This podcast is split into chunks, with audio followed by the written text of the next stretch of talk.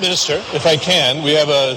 باقي لي لحظة بس لحظة لحظة يجب يجب أن يكون لدينا أمل أولا بالله سبحانه وتعالى وإيمان بالله سبحانه وتعالى ثم إيمان وثقة بأنفسنا بوطننا بشبابنا ببناتنا أهلا وسهلا بكم في هذه السلسلة الجديدة من HR Gurus. بعد أن غطينا كثير من مواضيع الموارد البشرية واستضفنا كثير من القيادات والجوروز المحليين، ارتئينا بأنه هذا هو الوقت المناسب بأننا نغير شوي وننتقل إلى الجوروز المعروفين في مجال الموارد البشرية على مستوى العالم من خلال مراجعة أهم الكتب في مجال الموارد البشرية. أول كتاب بيكون عندنا في سلسلة مراجعة الكتب هو كتاب Reinventing the Organization للكاتبين ديفيد أولريك وآرثر يانغ وبسم الله في مقدمة هذا الكتاب ذكر الكاتبين قصة لأم وابن كانوا في البحر على الشاطئ وأوشكوا على الغرق. فالناس اللي كانوا في البحر يوم شاهدوا هذا المشهد تفاعلوا معهم وحاولوا قدر الإمكان بأنهم ينقذونهم. وبسرعة تشكلت سلسلة من 80 شخص لإنقاذ الأم والابن. وفعلا استطاعوا بعد كذا من أنهم ينقذونهم. فالهدف من إيراد هذه القصة بأنه في هذا العصر المنظمات لازم فعلا تشتغل كسلسلة كفريق واحد آه، من أجل إنقاذ نفسها من الغرق. عشان كذا الكاتبين راحوا آه، إلى الصين راحوا لسيليكون فالي عشان يبحثون هذا الأمر ويختبرونه. طبعا في النهاية هم يقولون أنه في النهاية كل شركة راح آه، تقوم بالشيء هذا بطريقتها وبصيغتها وبالشكل اللي يناسبها. لكن هذا التناغم هذا الانسجام هذه الروح ما بين أعضاء الفريق كيعملون كجسم واحد هي اللي فعلا ستنقذ الشركات في العصر الجديد. بعد كذا الكتاب تكلم عن شركة سوبرسيل سوبرسيل هذه الشركة قيمتها 10 مليار دولار بعدد 280 موظف. كيف استطاعت هذه الشركة بهذا العدد القليل بأنها تكون بهذا الحجم؟ الجواب لأن الشركة تعمل كسلسلة مع الشركاء اللي عندهم. تدري أن هذه الشركة معتمدة بشكل كلي على الشركات المشغلة أو ال outsource وأن الموظفين اللي عندهم أصلا ما عندهم موظفين غير ال gamers أساسا موظفينهم يعتبرون نفسهم gamers مش موظفين. هذا راح ينقلنا الآن إلى نقطة ثانية ونقطة راح تكون جوهرية ومحورية معنا في الكتاب هذا اللي هي نقطة ال capabilities هذه الشركة قدرت أنها تعرف وش ال capabilities حقتها واشتغلت عليها وركزت عليها. فأنا أول ما أعرف ال organizational capabilities الخاصة بالشركة حقتي أقدر حينها أني أصمم الهوية أو ال ID الخاص فيني وأبني عليه أصير. طيب سواء أخذت آه، بال structure الهيكل التنظيمي اللي سووه سوبر سيل اللي هو يعتمد على ال capabilities أو المصفوفة حقت ال capabilities التكنيكال والسوشيال والاورجنايزيشن والاندفجوال أو أنت مقرر أنك تاخذ ال structure الثاني اللي هو حق ال system أو ال hierarchy التقليدي هذا غير مهم في العملية بشكل كبير. ولكن المهم هو تبني مفهوم ال market oriented ecosystem اللي هو الفكرة الأساسية حقت الكتاب.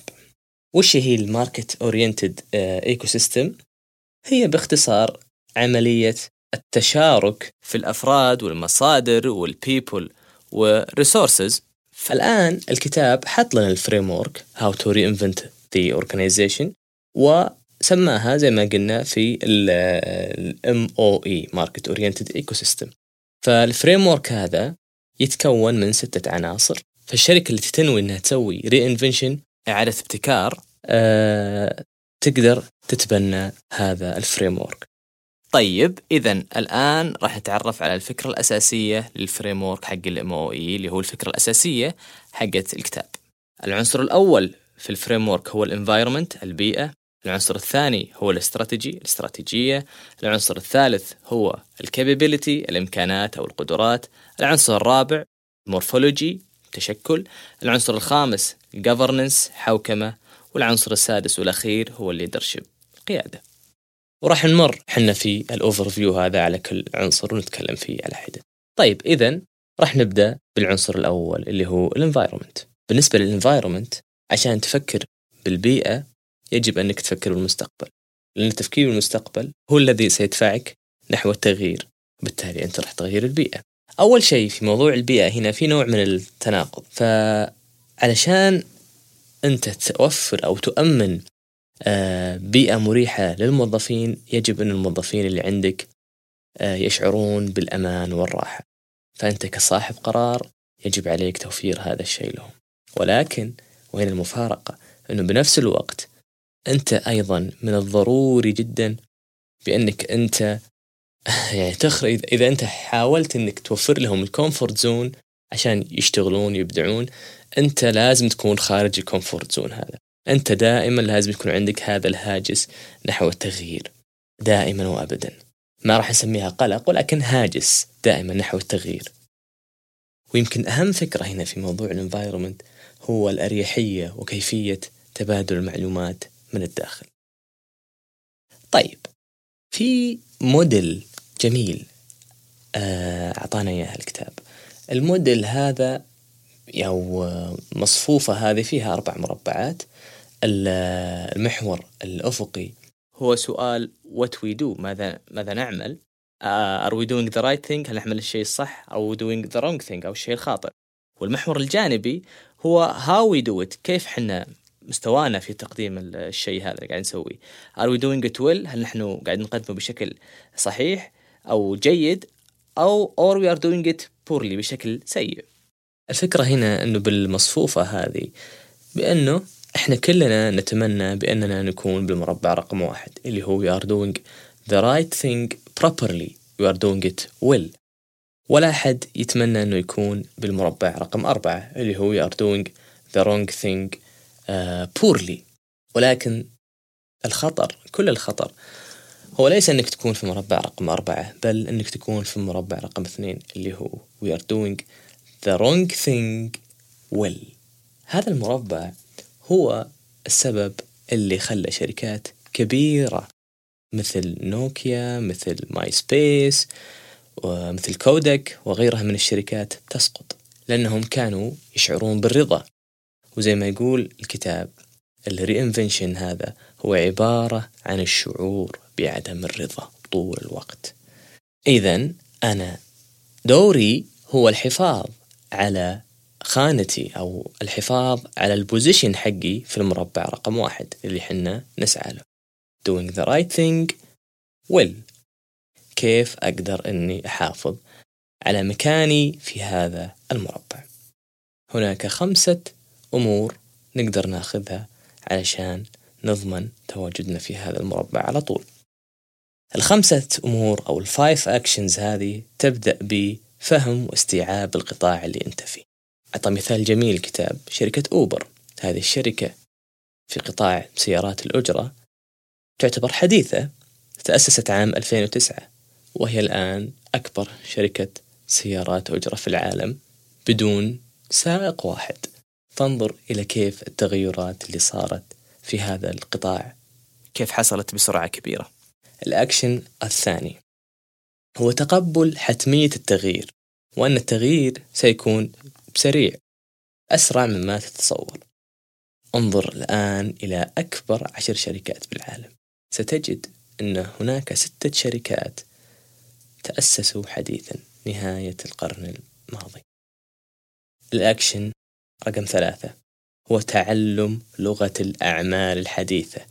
كل يوم قاعد تطلع مصطلحات ولغات جديدة في الأعمال. ولو ترجع للمصطلحات اللي دخلت علينا آخر سنتين أو ثلاث سنوات. راح تكتشف أن عددها غير قليل. طيب هذه المصطلحات هل حنا فعلا نعيها هذه الأشياء ونفهمها؟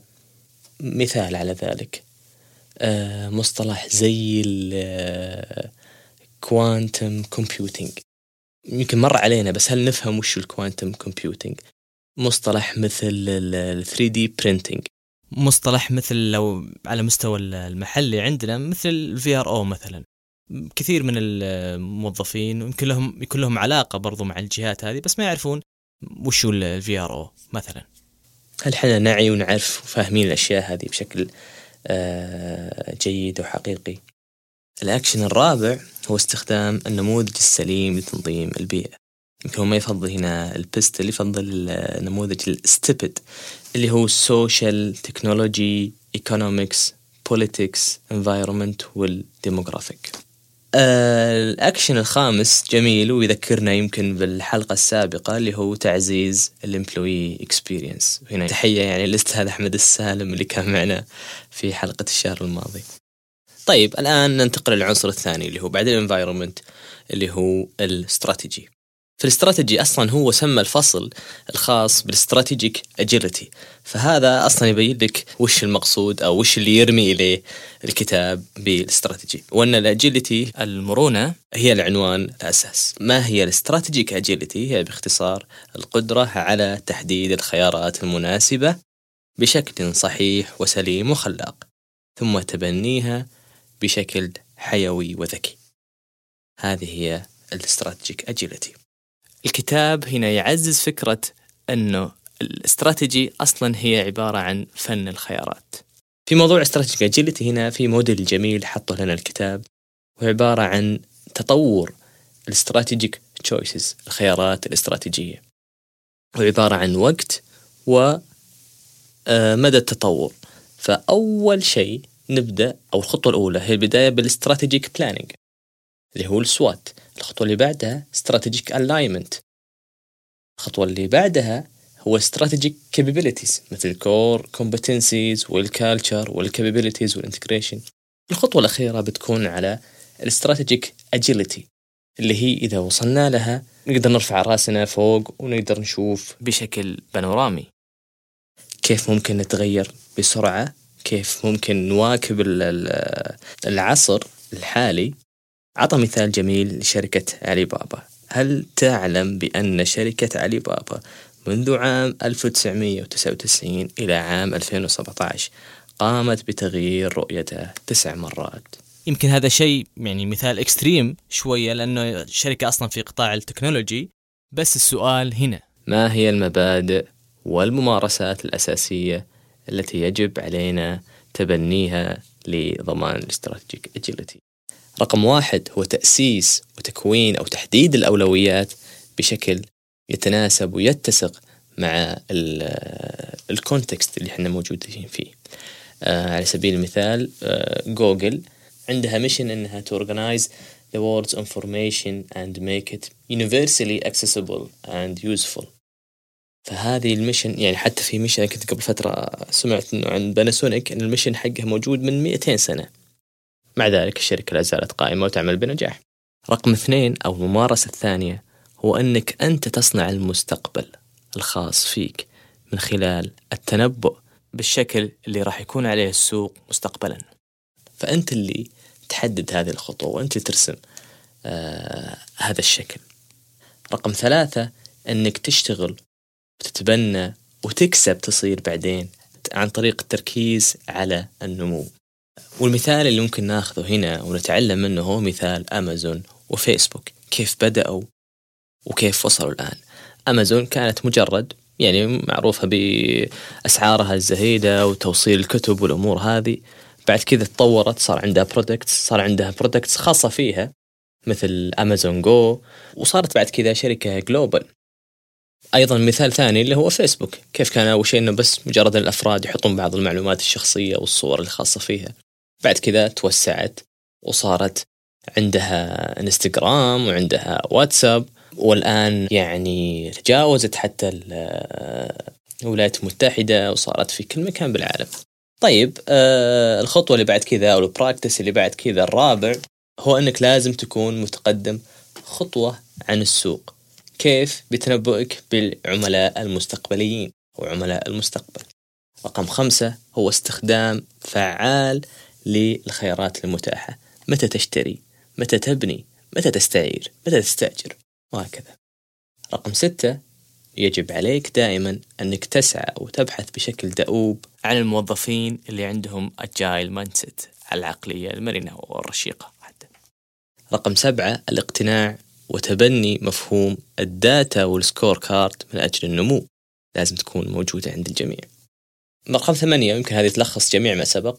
Always reinvent strategy because strategy is never finished. فأنت لازم بين كل فترة والثانية تقعد وتراجع. تذكروا قبل شوية تكلمنا عن المربع وأنه الخطر كل الخطر بأنك تبقى في المربع اللي كانوا قاعدين فيه شركات كودك ونوكيا. طيب الحين ننتقل للعنصر الثالث في ال framework حقنا حق ال MOE اللي هو ال capabilities capabilities يعني ecosystem capabilities هذا هو المقصود. وش معنى الكلام هذا؟ في بداية الفصل الكتاب تكلم بشكل كبير عن ال ال بعض الشركات كيف أنها اجتهدت وتعبت إلى أن قدرت توصل لل capabilities اللي خاصة فيها.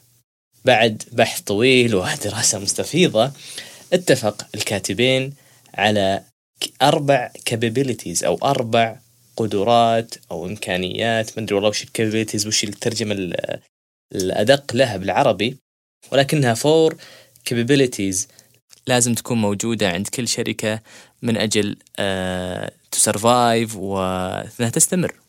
ال capability رقم واحد هي ال external sensing والمقصود فيها هو كيفية الوصول للمعلومات داخل القطاع. ال capability رقم اثنين هي ال customer obsession أو الاستحواذ أو تملك العميل. المقصود بال capability هذه هو معرفة احتياج العملاء أو حتى خلقها لهم إذا ما كانت موجودة. ال capability رقم ثلاثة هي innovation throughout أو الابتكار في كل مكان. والمقصود بهذه ال capability هو احتضان ال creativity والإبداع عندك. وآخر capability عندنا هي agility everywhere المرونة في كل مكان وهي باختصار القدرة على التصحيح والاستجابة بسرعة. وبصراحة هذه ميزة الكتاب أنه دائما في موديل وفي نماذج للخطوات هذه. طيب ننتقل الآن إلى العنصر الرابع في ال framework حقنا حق MOE هو يمكن اسمه غريب شوي يمكن بعيد يمكن عن ال business اللي هي اللي هو ال morphology. ال morphology يمكن هذه الكلمة ما حتى والله ما أدري وش الترجمة الصحيحة لها ولكن في الإحياء يعني تعني التشكل أو أو النمو. المقصود بال morphology هنا هو أننا هذه ال capabilities الأربعة اللي حددناها في الفصل السابق كيف أننا نقدر ندمجهم مع بعض عشان نضمن أنها تعمل بالشكل المطلوب اللي حنا نرجوه منها. وهنا تأتي أهمية الأو دي في الموضوع. لأنه الأو دي يجب عليه أن يوفر ثلاثة أمور أساسية. رقم واحد بلاتفورم البلاتفورم المقصود فيه ليس فقط المنصة الإلكترونية ولكن أي مكان فيه تجمع أو أنشطة مجتمعة. أي hub فيه تجمع نقدر نقول. آه هو صراحة ضرب مثال حلو لأنهم نمتلك عندهم compound وكذا. فلو بنطبق هذا على ال compound راح تصير ال platform هي الأندية أو النادي الموجود في في ال compound المكان اللي يجتمعون فيه السكان ويمارسون الرياضة فيه مع بعض. راح يكون أيضا السوبر ماركت راح يكون المول. هذه ال hubs هي تسمى ال platform عندنا. طيب الأمر الآخر هو ال cells. في المثال حق ال compound هذا من هم ال cells؟ اللي هم السكان. سكان ال compound أو سكان المباني هذه هم ال cells هم الناس. رقم ثلاثة الحلفاء. الحلفاء منهم الحلفاء اللي هم بيكونون آه، ال contractors اللي يشتغلون على ال compound هذا المقاولين اللي يمارسون عملية الدهان اللي يمارسون عملية الصيانة اللي يمارسون عملية التنظيف لل compound هذا. طيب تبقى لنا الآن عنصرين. في ال framework حقنا وراح نمر عليهم بشكل سريع. لأنه أتوقع غطينا الأفكار الأساسية حقت ال framework هذا فالعنصرين هذه راح نمر عليهم بشكل سريع. العنصر الأول هو ال governance باختصار هو في ال governance يعني آه، إذا إحنا متى ما عرفنا ال capabilities الأربعة اللي عندنا راح نسوي عليها ال governance بحيث إننا نضمن ديمومتها. كيف؟ عن طريق رقم واحد culture عن طريق آه، مراقبة للأداء عن طريق آه، توليد دائم للأفكار وتحفيز على توليد الأفكار. آه، بعد كذا رقم أربعة talent pipeline رقم خمسة آه، تبادل المعلومات بشكل واسع. رقم ستة ال collaboration وهنا يمكن يعني ملاحظ جدا يعني مدى تداخل عمل ال HR وأنشطة ال HR في كل واحدة منهم. العنصر الأخير في ال في ال framework هو ال leadership في فصل ال leadership في فكرة واحدة أساسية هي التي يجب أننا نقف عندها. أي صاحب قرار أي leader عنده أربعة أدوار أساسية لازم أنه يمارسها في ظل ال ecosystem رقم واحد أنه يكون business strategist رقم اثنين أنه هو القائد يكون talent manager رقم ثلاثة يكون organizational architect. رقم أربعة culture definer وهنا مرة أخرى يعني يعني واضح التداخل القوي مع أنشطة ال HR ويعني نشوف كيف ال HR متداخل في كل الأمور هذه بشكل حيوي بصراحة.